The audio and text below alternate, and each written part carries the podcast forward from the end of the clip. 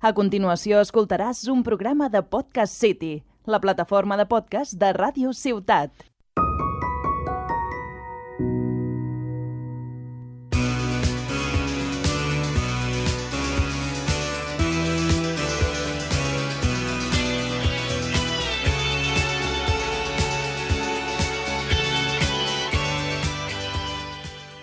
Benvinguts a un programa del podcast Parlem del Nàstic. Avui parlarem sobre el partit contra el Linares Deportivo, farem la prèvia davant el Club Deportivo Castellón i comentarem sobre la situació esportiva i extraesportiva.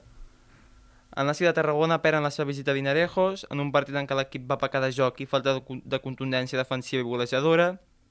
El pròxim partit serà davant el Club Deportivo Castellón, un equip que té com objectiu l'ascens i vindran motivats a guanyar. Pel que fa al partit davant el Linares Deportivo, no hi ha molt a dir. I a més no sé per on, per on començar molt bé, perquè va ser un partit molt dolent, decepcionant, amb un mal inici de plantejament, no vam sortir amb ganes, sense motivació, un partit que emocionalment va deixar molt tocat. Va ser un partit, com estic dient, per oblidar, sobretot la primera part. Perquè la realitat és aquesta, que portem unes últimes jornades sense jugar però no per dies. En canvi, el passat dissabte, o sigui, amb el Linares, has perdut. Un partit que, com he dit abans, emocionalment te deixa molt tocat perquè saps que els de dalt han perdut, és a dir, podies ficar-te a l'ascens una setmana, una setmana, una setmana, i si haguessis guanyat com sudat allí, però al final no hi ha hagut ninguna manera de haguéssim guanyat, perquè si no tots haguéssim guanyat, Costa Brava, Villarreal haguéssim empatat com hem fet, Sadunquenyo haguessin guanyat i Linares haguéssim ni que tret un empet o un guanyat, estaríem ara a playoff consolidats, perquè amb Castellón, San Fernando han perdut i l'Atlético Baleares han anat guanyant mig perdent. Vull dir, eh, haguéssim anat quarts perfectament si haguéssim fet aquests si haguéssim tret resultats òptims. Passa que, com estic dient, la realitat és aquesta, que portem una jornada sense jugar a res i no estem aprofitant que els de dalt també l'estan pifiant, igual que nosaltres una primera meitat horrible, des del minut 0 fins al 45. No vam ser capaços de crear una ocasió clara de gol. Ni vam arribar, un córner i poco més. Vull dir, va ser esperpèntica aquella primera part. En defensa, horribles. El primer gol del Linares Deportivo ve d'una falta innecessària en, en, en aquell terreny del camp amb, i després, en, quan llancen la falta, ha un error en defensa en les marques i ens va marcar el gol ens va marcar el gol el defensa central Josema, però ens va marcar d'esquena. Vull dir, imagina't la defensa com estava perquè el Josema, el defensa central del Linares, ens marqués d'esquena. Vull dir, no va rematar ni de cap ni res, d'esquena. Vull dir, va ser molt patètic aquell gol per part de la defensa. La segona meitat, algo millor, però no molt a destacar tampoc, i al descans el tècnic va realitzar dos canvis, van entrar al terreny de joc Janic Buila, el guineà, i Dani Romera. Janic Buila no va un mal partit, va intentar agafar les rendes del joc, però no va ser capaç ni ell ni la resta d'equip de marcar un gol. També van entrar al terreny de joc Nil Jiménez i Juan Camilo Becerra, el colombià, que després d'unes paraules del tècnic Raúl Acné amb una roda de premsa post partit va dir que fins que no baixava quilos no, no jugaria. Becerra s'ha pres aquestes paraules i ha baixat quilos, se'l va notar que va baixar quilos, ja no se'l va veure tan tosco, se'l va veure molt millor, almenys més fi, i el van veure molt errat, però. Tot i això el van veure molt errat perquè va fer una ocasió claríssima i no va portar molt més. Vull dir, molta gent tenia esperances amb ell, però la realitat també és que a l'Espanyol B, amb un filial, no va... Vull dir, jugava titular però no marcava gols, vull dir, li costava molt marcar gols, i amb la Bonferradina segona no, no va jugar un total de pocs minuts.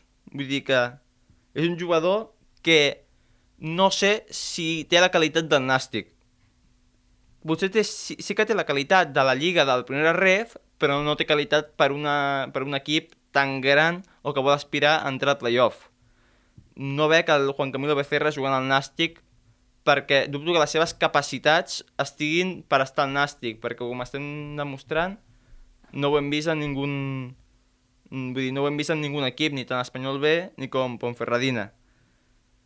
Robert Simón, al tram final del partit, va sortir del terreny de joc amb molèsties i el seu lloc el va ocupat Gary Hernández. Suposo que aquestes molèsties seran cansanci del que porta jugant tot i que va descansar Villarreal bé, tot i que l'Atlètico San Luqueño va tornar a jugar, suposo que és aquest descàs que diu, bueno, anem perdent 2-0, 1-0 en aquell moment, dic, poc podré fer més, almenys que entrin i jo pugui intentar estar 10 minuts al banquillo i després a l'altre partit contra el Castelló, perquè suposo que jugarà titular, perquè Magnés sempre juga amb els titulars i sempre és el mateix, perquè no canvia mai aquest tècnic, suposo que jugarà i diu, almenys estaré estar algú millor i no vull, no vull lesionar-me de gravetat amb aquests 10 minuts que em queden, per tant, faig com si tiro al terra i que, i que passi el temps perquè la la, la ja era impossible d'allòs. Per tant, suposo que podrà estar, perquè el Nàstic tampoc, el Nàstic tampoc ha més ningú comunicat respecte a aquesta lesió. Per tant, suposo que serà lleu.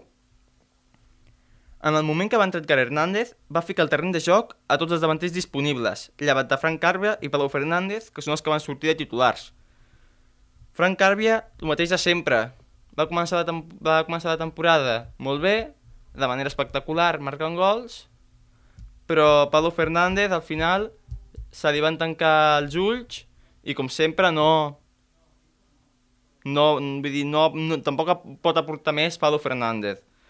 És com Juan, és com Juan Camilo Becerra. Crec que el Nàstic li queda un pèl gran. Al Cornellà li quedava algú petit, però al Nàstic li queda un pèl gran. És un, és un delató intermitja, hauria d'estar Pablo Fernández. I Frank Carbia és un jugador d'aquí, a Sant Pere i Sant Pau, va començar la temporada bé, però no s'ha d'estar... No s'ha d'estar veient a Frank Carbia de l'inici de temporada li falta rodatge, no, no, no sé què li falta, com ha pogut canviar tant aquest Frank Carbia des de l'inici de temporada fins ara. Ha sigut pràcticament, ha, ha fet un canvi radical. Vull dir, Frank no és que no lluiti, perquè lluita, passa que d'aquesta lluita només guanya una pilota. Abans de guanyava 5, ara una. No sé a què sobtat aquest canvi en sec que ha fet. Tenim un problema important també amb la falta de gol. Estic dient que els davanters encara i Pau Fernández van aportar poc a dalt en aquesta jornada i a l'anterior i a l'anterior, i a més fallem ocasions claríssimes que tenim. Si les, si les poques que tenim les fallem, Frank Carbia no va fer ningú, ningú xut, Paulo Fernández no va fer ningú xut, Dani Romera no va fer ningú xut, Juan Camilo Becerra va, va fer un tir amb el cap que estava a l'àrea petita, que allò és més, és, tens més probabilitats de fallar que de marcar-ho. I ell, vull dir, té, té, vull dir, perdó, té més possibilitats de marcar-ho que de fallar-ho i, i, i la va fallar. Incomprensiblement la va fallar i la, i la va apurar el porter de, el, del Linares Razak. Vull dir, fem internacionals dels porters al Nàstic. És, és la nostra especialitat. Xutem cinc vegades, que no vam xutar cinc vegades a Linares, a Linares vam xutar menys. El porter, el porter Razak ens la para. No sé, l'altre ens la para. Sempre ens la pararem. Tenim un problema de gol important. Dani Romera va fer pocs xuts. Un, dos o zero inclús. Vull dir, molts pocs són massa blandengues tant ofensivament com defensivament. A la defensa li passa el mateix que tot l'equip. No sé com a començament de temporada vam estar bé, com, és, és com Frank Carbia, podríem dir, el símil més. A començament de temporada estàvem superbé en defensa, vam intentar allargar la defensa, aquest bon ritme de defensa més, però és que un altre cop de defensa torna a estar blandengue. Un Linares ens marca dos gols. Sí que el segon... El, el primer gol, com he dit abans, és una errada. I el segon gol sí que al final el Nàstic perdent 1-0, minut 80 i pico, ha d'anar cap a dalt. Dir, estàs, estàs obligat a anar cap a dalt. I sí que és cert que la contra te la van fer, però no et poden marcar aquella contra tampoc, vull dir, és... Hem passat una defensa sòlida, una blandengue, podríem dir. Per tant, i això és el que ara mateix l'equip no s'està... Mm, vull dir, no s'està centrant. Per tant, ara mateix estem bastant malament en tots els aspectes, tant de porteria, que l'inclusió de la defensa, com a mig del camp. No estem tenint el control del partit, en ningú, vull dir, vam tindre més la possessió, però tenim la possessió per la defensa, mig del camp, és a dir, no som capaços de la possessió de passar de mig del camp. Pedro del Campo no intenta fer desmarcades, passes de, passes de línia, passes de gol... Pedro del Campo té la pilota, és el jugador que més la té i té la capacitat de tindre-la, però li queda algú al costat que li doni marxa a Pedro del Campo, perquè Pedro del Campo és un jugador molt tranquil, pausat, vull dir, li queda alguna més, al costat li queda allò, un, una mica de marxa. Ho va voler intentar amb Ribelles, és més defensiu i no té aquesta marxa, ho va intentar amb, amb Elias Pérez, el nou fitxatge, que està sent decepcionant no el següent, perquè ha jugat poc, i el que ha jugat de titular no s'està veient aquell Elias Pérez de l'Extremadura. Aquell Elias Pérez de l'Extremadura que t'agafava la pilota, te la conduïa i des de fora l'àrea te fotia un paparro cap a, a l'esquadra. No estem veient aquell Elias Pérez, estem veient un Elias Pérez que està deambulant pel camp i, quan, i de sobte pilla una pilota, dir, intenta controlar-la, intenta passar-la, però tampoc fa ninguna passada allí clara de gol o amb intenció de gol. A la roda de premsa d'Agné, al postpartit, jo aquest entrenador, vull dir, sincerament, no sé què fa aquí encara. Vull dir, a la, a la roda de premsa va dir el joc no em desagrada. Si perdem 2-0 amb Linares i el joc no, no et desagrada, llavors, si aquest joc t'ha agradat, per tu, que, per, per tu el joc que no, no t'agrada, què és? Perdre 2 a 8? Perquè si aquest joc t'agrada, jo ja, guanyant, ja, si guanyes el joc ja serà per tu el millor. Perquè si perds 2-0 i t'agrada, vull dir, és una cosa incomprensible totalment. L'equip ha tingut ocasions, no ha estat tan malament en defensa... El Linares, que està més a baix per tu, lluitant per no baixar, t'ha fotut dos gols. Una. I el joc va ser pèssim. I a la primera part ho has d'admetre sobretot, que va ser pèssim. Fes autocrítica. Fes autocrítica primer, perquè el joc va ser pèssim. No diguis ara que vinguis de moto, de que si el joc va ser bo, ens haguéssim merescut un gol, no sé què... La realitat és que vam perdre 2-0 i l'equip de primera part no va sortir jugant ni va sortir a competir com se'l demanava el partit. I si sortim així durant, tota la, durant tot el que queda temporada, estarem més a baix que a dalt. Tot i que encara estem un punt. Per tant, no, no ens venguis la moto més amb el joc, eh? Perquè si perds amb el Castelló, t'aniràs cap a fora. Jo t'hagués fotut fora a Andorra ja. T'hagués fotut fora quan vam perdre amb Andorra aquí 3-0, t'hagués fotut fora. I enca encara estàs aquí, eh? Per tant, menys positivisme i menys autocrítica. Després, va sortir una imatge del defensa central Quintanilla, un defensa que amb Saligrat era pilar fundamental i ara Magné, els partits en què ha estat, ha jugat, però no estem veient... És bo, eh, Quintanilla, i vull que segueixi el club Quintanilla perquè és un defensa central que m'agrada tot i que no estem veient la temporada que va fer Saligrat, que era el líder indiscutible de la defensa. Se li va veure una imatge, o, o es va rumorejar de la imatge, que estava al túnel, hi ha unes escales per pujar del túnel al terreny de joc, i va sortir una imatge d'ell, diguéssim com, amb, els, amb la cara tapada i sentat, així com mig agenollat, pensant, amb aquest equip no, no hi ha res més a fer. Si amb aquest equip no, no arribarem a playoff, això és una mica la imatge que demostra, diguéssim, com estarà l'equip ara. L'equip ara està pensant més en la salvació que en el playoff. Per tant, és el que estic dient. Si un, si un jugador està així, els aficionats, vull dir, també estem així. Vull dir, no podem confiar en l'equip, amb el que estem veient. Vull dir, les primers que han d'estar confiats són els jugadors. Si els jugadors no estan confiats, nosal nosaltres tampoc podem estar confiats. Després sí que alguns van estar confiats, com el Joan Oriol, a la roda de premsa postpartit, que van donar molt positivisme. Nosaltres creiem en el joc, en l'ascens... Ens tornen a vendre un altre cop milongues. Amb el joc no s'ho creu ningú. El joc que fem és esperpèntic. El joc, la, la primera part que vam fer no es pot tornar a repetir aquesta primera part. Vull dir, si amb aquesta, amb aquesta primera part anirem al Bacete i ens fotran 5 a la primera part que vam fer contra el Linares. Ens fotran 5 no es pot jugar tan malament. Sí que estem a un punt d'arribar a playoff, però perquè ens han donat casos de que Castelló perdut, Sant Fernando perdut, Atlético Baleares ha anat fent també al mig, així ha anat perdent, guanyant, empatant, Algeciras també ha anat perdent i empatant, però si haguessin guanyat realment aquests partits, o uh, si haguessin guanyat els dos de casa, Costa Brava i Sant Luqueño, i empatat els dos de fora, ara mateix estaries quart, el més segur. I quart seria ja amb els, amb els partits que queden, seria espectacular anar quart ara, perquè llavors sí que estàs confiat. Però sortint tal com vam jugar amb Costa Brava, amb Sant Luqueño, amb Villarreal B i amb Linares, a aquest equip no es fica a playoff. La realitat és aquesta. Fa uns quants programes deia de... Sí, entre, entrarem a playoff, podem, podem estar un punt, podem confiar, però la realitat jo crec que ara, i la meva i la de tots els aficionats, és que el playoff ara mateix és impossible tal com estem jugant. Hauríem de canviar molt les coses per arribar amb aquest ansiós playoff que el vol tanta gent i tants equips. Per tant, el que vaig veure, molt positivisme a la roda de premsa. Fer una mica d'autocrítica, que a vegades també ve fer autocrítica. Joan Oriol, me l'estimo, sí, però fes una mica d'autocrítica també, que a vegades també va bé per reflexionar i pensar. Assenyalats en aquest partit no va jugar Itami, la culpa no és d'ell, el Berran tampoc va jugar, la culpa no és d'ell, i s'ha vist que ara la, la, la culpa de tots ells tampoc és. Sí que ells han tingut gran part culpa en algunes derrotes, però ara la culpa ja no és només dos, ja és, ja és de l'equip. Manu García ten... no és dolent, passa que no es mou. En les jugades, en el primer gol, no, no, no es va moure.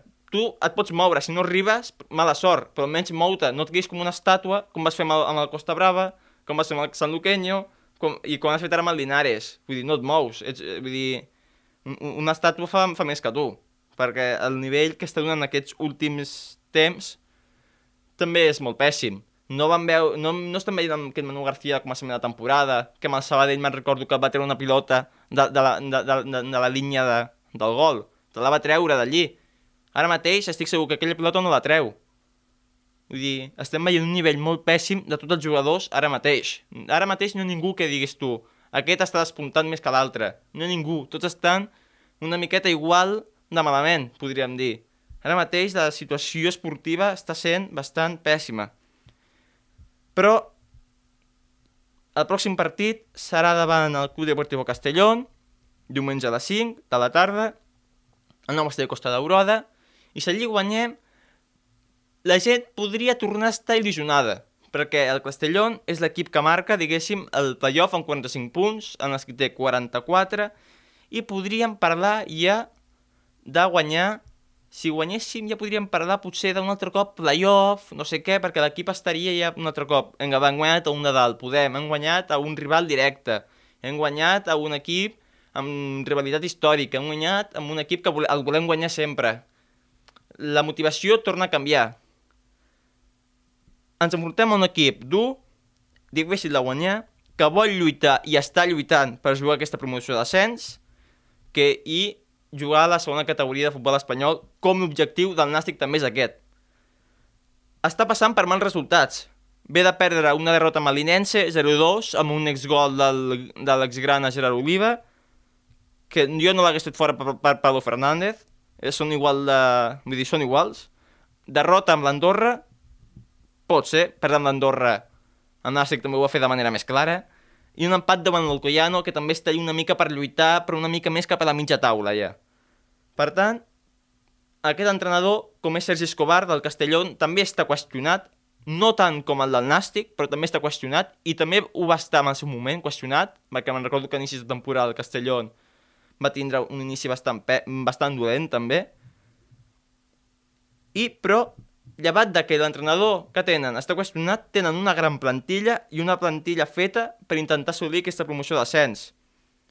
A la primera volta, a l'estadi de Castalla, a l'estadi del Castellón, el resultat va ser de 1 a 1, amb un gol d'Edgar Hernández, un gol que allí es van alinear els astres perquè Itamir Tiles ho va fer bé i la, i la jugada va ser molt bona que va acabar amb el gol d'Edgar Hernández. Que Edgar Hernández és un cas paregut. Comencem la temporada màxim golejador, va tindre la lesió i a partir d'allí ha anat, el seu rendiment ha anat baixant en picat. Entre que l'equip està malament i la lesió que ha tingut, jo crec que l'han acabat d'enfonsar Edgar Hernández i necessitem aquell Edgar Hernández que dintre l'àrea és letal, que et marca. I podem considerar aquest equip com a rival directe? Si mires els punts de la classificació, és evident que sí. Com he dit abans, és 45, nosaltres 44. Amb, amb punts sí. Amb joc, no és rival directe el, el, el joc del Castelló, tot i que el seu entrenador estigui qüestionat, ens passa per damunt i ens torna a passar per damunt. I el Castelló, si surt motivat i nosaltres sortim com hem sortit Linares, no guanyem el partit. Vull dir, el joc del Castelló ens doblega. Es parla que pot haver-hi una marea d'orelluts d'aficionats del Castelló a Tarragona, com ja va passar abans a la pandèmia, que van quedar 1 a 1, amb un gol de Roger Bruquer, que m'estimo molt també, Roger Bruguer, un dels jugadors joves que ha tingut que marxar per, perquè la directiva ho ha fet malament, però bueno, és un jugador, el Roger Bruguer, que podrà rendir en un futur a primera, perquè no, dir, no, perquè és molt bo, i ho, va, i ho va demostrar aquí, ho està demostrant actualment a Mirandés, que és molt bo. I es, si venen, vindran busos. Vull dir, no vindrà un, dos, tres, vindran un 5, un 6, un 7, un 8, vindran bastants de busos si venen i vindran a cantar. Vindran a fer gresca. Sempre hi ha hagut una miqueta de rivalitat amb el Castellón, perquè van passar incidents que no els anomenarem, però sempre és un equip que, els vol, que el vols guanyar sempre, també. Vull dir, és un d'aquells com el Reus, quan estava, com el Llagostera, que els vols allí també al, al, al Pozo i sempre els vols guanyar. Serà també un partit especial per a Martrilles. Martrilles és d'un poble de Castelló i, de fet, té tatuat l'escut del Castelló, Martrilles, defensa central del Nàstic, el té tatuat. Per tant, és com un partit especial, també, i va dir que ell voldria tornar al Castelló algun dia. bueno, no t'ho recomano, vull dir, amb aquell equip no estaràs molt millor que a Tarragona. Per tant, bueno, serà un partit especial doncs, per aquest d'on va néixer, records, per tant, bueno, un partit especial que espero que faci una, una bona actuació en defensa i si pot marcar un gol com el, com el Barça B el marqui, eh? Un partit, una final. Sí, si perds, sí o sí, les opcions de playoff s'anulen, el més segur. Si guanyes, es, es tornaran a reactivar, vull dir, serà el partit que marcarà on estarem, si a mitja taula avall o a mitja taula amunt, jo crec. Per tant, es pot considerar aquest partit com una final. I si, es, i si aquest partit es considera com una final, com ho veig jo i com ho veuen molts aficionats, el camp ha d'estar ple. Diumenge de 5, us convoco tots al nou estadi. El Nàstic ha penjat tots els partits que queden, si vols fer soci, 15 euros. Per tots els partits que queden al nou estadi. Més barat no ho trobaràs. Això ja, ja t'ho asseguro jo ara. 15 euros és el que et va donar entrada, quasi. Per tant, ara mateix és el moment de tots units fer pinya i anar amb el Castelló, guanyar el Castelló aquí i després intentar creure un altre cop en l'ascens. Però passa per guanyar amb el Castelló aquí. Si aquí no guanyem el Castelló, nyau. Aquest conte s'ha acabat ja. Però passa per tots. A la, el diumenge aquest a les 5 de la tarda, rebre l'equip com es mereix. Tot i que estiguin jugant malament. Aquest equip s'ha d'animar, perquè podem encara. No està tot perdut. Costa molt difícil, costa pensar molt, és molt difícil pensar que aquest equip podrà arribar a playoff tot com estem veient ara, però si guanyem el Castelló encara podem. Per tant, el que estic repetint, tot, tota Tarragona hauria d'estar a Castelló. El, hauria d'estar amb el hauria d'estar al nou estadi animant, animant el Nàstic a les 5. La meva alineació pel partit, Manu García el ficarà titular, jo crec. Joan Oriol de jugar lateral esquerra, Quintanilla, Trilles, defensa de centrals, lateral dret, Pol Domingo, que també està passant per un mal moment, però no el criticaré. El que és, Pol Domingo està sent un dels millors, per no dir millor, de tota la temporada del Nàstic, al mig del camp, però el camp Ribelles. Ribelles, per mi ha quedat demostrat que és algú millor que Elias Pérez. Robert Simón, la banda dreta, sí pot jugar, que jo crec que sí, i Bonilla al lateral esquerre, o un Nil Jiménez, cuideu aquesta opció també, i a dalt ficaria... Dani... És que a dalt tenim un problema, perquè ningú està del tot bé. Ficar Dani Romera és com, el, és com el que és el que millor qualitat té, però tampoc està marcant. Però ficar... És, és, a, a dalt haurem de, hauríem de fer un Tetris, un pude, per a veure quina, quins dos encaixen més perquè és, uf, és, ho trobo molt difícil perquè tots, vull dir, tots els que tenim podrien jugar tots, perquè ningú està marcant gol, de fet. Vull dir, no està ningú que diguis tu. Per tant, a dalt jo ficaria Dani Romera i a Edgar Hernández titulars. A veure si entre els dos... Hem, hem vist poc aquesta parella, per tant, a veure si entre els dos poda, podran marcar. Només queda guanyar. Sí o sí, queda guanyar. Perdre seria no, vull dir, empatar o perdre seria una derrota. Només queda guanyar. 3 punts al cap. Res més. Queden 8 partits. Queden molt pocs. 24 punts en joc. 8 partits són pocs, però 24 punts són molts. I queda molt per disputar encara. Per tant, encara podem classificar-nos. Tot i que amb el joc, com, com estic repetint, és molt difícil. A què no? Què d'allò? On quedarem a final de temporada? A final de temporada és molt difícil pensar que anem a fer una temporada perquè això de fer allí pronòstics i fer punts i d'allò és molt difícil, però encara hem de jugar al Bacete, el Sant Fernando de vindre aquí, que un divendres. Jo crec que el resultat d'aquest, on quedarem a final de temporada d'aquesta pregunta que estic formulant, pensa, vull dir, passa per a veure què fas aquest diumenge. El programa següent la podré respondre. O sigui, si el diumenge empatem o perdem, diré, quedarem de, de mitja taula, o cap a baix. Si guanyem, et diré de mitja taula cap a dalt. Per tant, és un partit, vull dir, per tant, és, un, vull dir, és, un, és una pregunta que s'haurà de respondre al programa de següent, perquè, com estic, depenem molt del resultat d'aquest amb el Castelló. I ara, com també he dit que parlaré de la situació extraesportiva, parlaré sobre la continuïtat de Lluís Fàbregas i Sergi Parés, bueno, de Lluís Fabregas i Parés i Josep Maria Andreu, també podríem dir, del president, tota la directiva. Lluís Fàbregas, bueno, és un... És com Rolagné, és un vendehumos, podríem dir. Perquè ens ha... Ens ha vengut que si, que si Díaz Pérez, que si no sé què, que si no sé qui, que si no sé quantos, que si el joc una també, que si aquesta plantilla té molt... No venguis tant. I centra't més.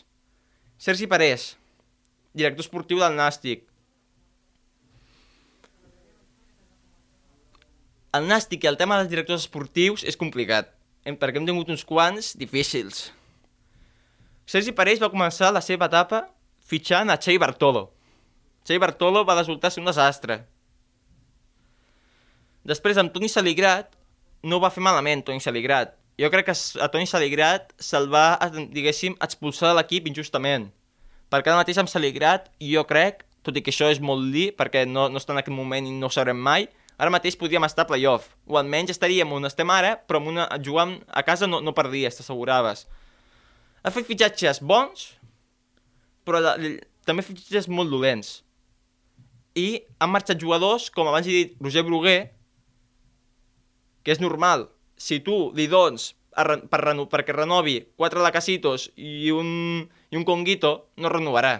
En canvi, si el, si el llevant li don, aquí seràs el futur de l'equip. Aquí seràs tu el que el, el, el, el futur del teu equip girarà sobre teu l'equip, s'anirà allí perquè té una, una, una idea clara. Però si aquí estem expulsant a, a, Saligrat, no hi ha idea, no hi ha res, perquè si a cada, a cada temporada estàs expulsant l'entrenador que tens, aquest entrenador voldrà nous jugadors i, i, i cada any estem igual. Cada any fitxem a 10 jugadors a l'hivern saps que aquests jugadors no han funcionat, tornes a fitxar uns 5 jugadors, a l'entrenador tornes a canviar. Vull dir, vull dir, no té ningun tipus de sentit. Amb Saligrat podies, podies haver tingut aquesta continuïtat, perquè sabies que tenia el mateix bloc de la temporada passada i tenies el, el mateix bloc. Diguéssim, podies mantenir aquest mateix bloc, però no, vas optar per fer Raúl Agné, que el seu, únic, el seu únic logro que ha fet ha sigut pujar al Girona. Bàsicament ha sigut pujar al Girona. A Aragó ha fracassat. El Córdoba ha fracassat. El Tenerife ha fracassat. Raúl Acné, per mi, hauria d'estar fora. És aquesta la, com acabo el podcast. Raúl Acné, fora ja. Per un dia, escoltar-nos un dia més aquí al podcast, parlem del Nàstic.